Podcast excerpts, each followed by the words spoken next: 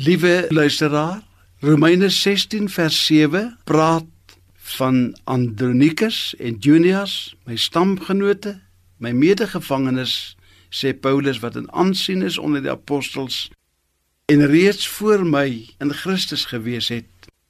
Andronikus beteken wenner of presteerder. Die sportwêreld vra vandag, gee vir ons die presteerders. Die akademiese wêreld vra gee ons die presteerders. Die sakewêreld vra vir ons, gee ons die presteerders. Maar ook in die kerk is daar 'n dringende behoefte aan die andronikusse, die wenners, die presteerders wat oorwinnings vir die saak van die Here kan behaal. Paulus verklaar onomwonde in 2 Korinte 2 vers 14 dat ons ingestel behoort te wees om altyd te triomfeer.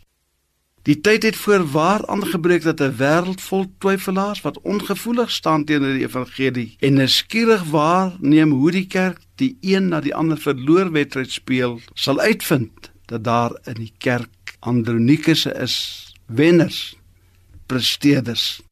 Hulle gaan van krag tot krag. Hulle is meer as oorwinnaars.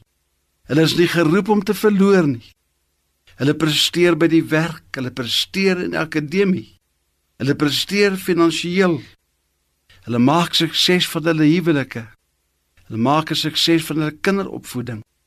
Hulle verhoudings is in plek. Hulle kommunikeer suksesvol met ander mense. Hulle prioriteite is in orde. Hulle integriteit is bo verdenking. Hulle reig die trofee in wat op die bevordering van die evangelie uitloop. Hulle is nie vaal, oningeligte, oninteressante, jammeragtige patete nie wat verskoning maak omdat hulle gelowig is nie. Maar hulle is aangename, afgeronde, aantreklike, algenoegsame andronikusse wat totaal toegewyd en triomfantlik in Christus is. Hulle is wenners. Hulle praat oorwinnaarstaal. Hulle is presteerders en hulle triomfeer oral in elke plek tot eer van sy naam. Kom ons bid saam. Hemelse Vader, dankie dat ons meer as oorwinnaars kan wees in Jesus naam. Amen.